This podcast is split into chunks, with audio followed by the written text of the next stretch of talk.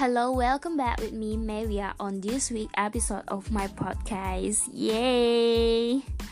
Oh, long time no recording, and yeah, I wish you guys fine and shout to everyone who still listen to my podcast. Thank you so much. Thank you. And today's episode, I would like to give you guys special, um, yeah, special topic uh, in this episode, I would like to read uh, my favorite books that, yeah, I'm still reading and still ongoing, and I. I, I think this book is very good. So I would li- I would like to read this book for you guys. And the title of this book I will I will put on description so you can read it and you can yeah search or find to read uh, by your own self I guess. Yeah so uh, let's get started. Okay the title of uh, the page is about how to eliminate bad feelings. Okay guys i'm going to read the book. Let's enjoy. You can change anything in your life by changing how you feel when you change how you feel about any subject, the subject must change. But in changing the way you feel, don't try to get rid of bad feelings. Because all bad feelings are simply a lack of love. Instead, you put love in. You don't try to get rid of anger or sadness. Anger and sadness are gone when you put love in. There is nothing to dig out of you when you put love into you. All bad feelings are gone. There is only one force in life that is force of love. You are either good feelings because you are full of love or you are feelings bad because you are empty of love. But all your feelings are degrees of love. Think of love as if it is water in a glass and the glass is your body. When a glass has only a little water in it, it is empty of water. You can't change the water level in the glass by waging war on the emptiness and trying to weed out the emptiness. The emptiness goes by filling the glass with the glass with water.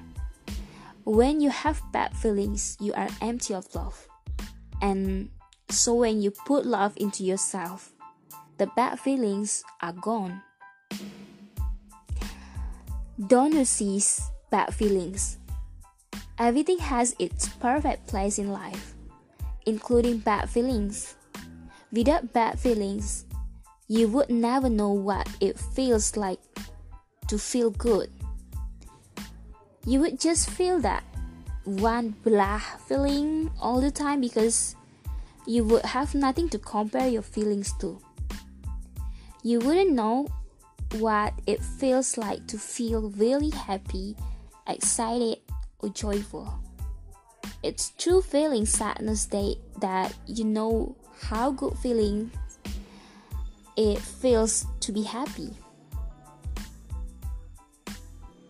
You can never remove bad feelings from little be- from life because they are part of life, and without them, you wouldn't have good feelings.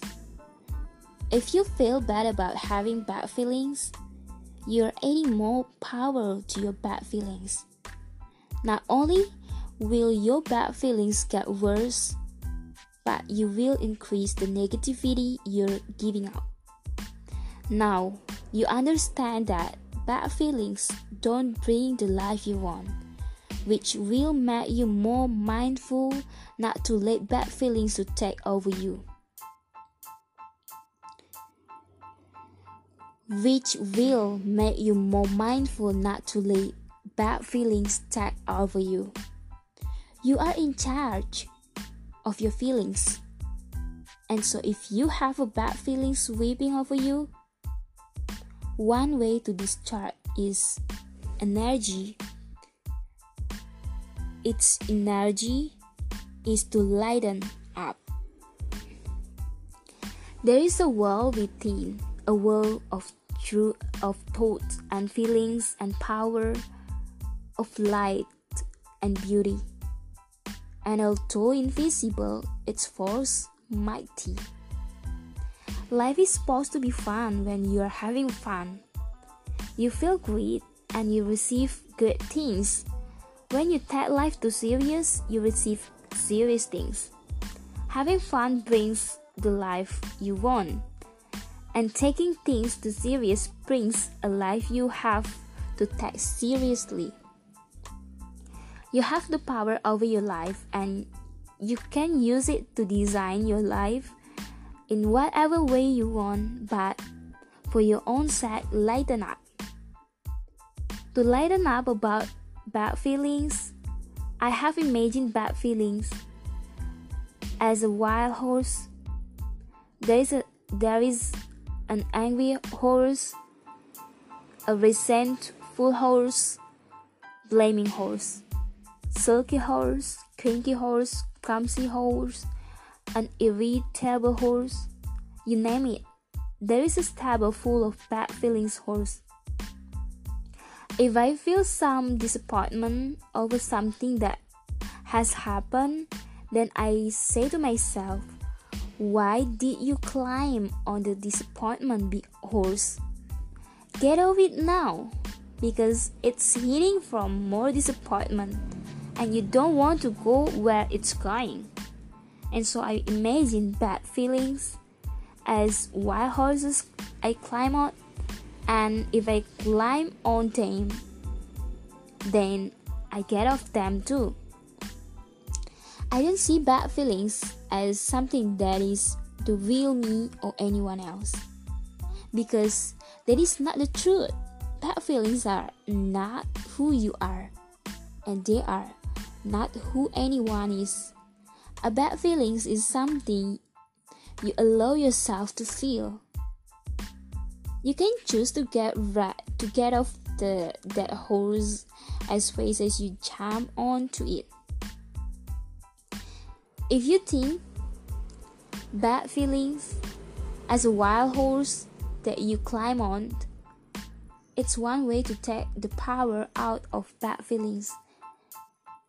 If if someone close to you is cranky, their bad feelings will have far less power to affect if if you if you imagine them having climate on a cranky horse you will not take their crankiness so personally but if you do take it personally and you become cranky from their crankiness then you just jump on the cranky horse with them respond ita- intelligence Italy I'm sorry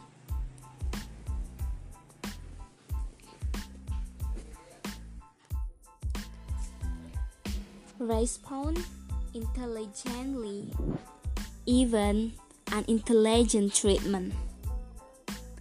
That is. And thank you so much for listening me. See you on the next episode of my podcast.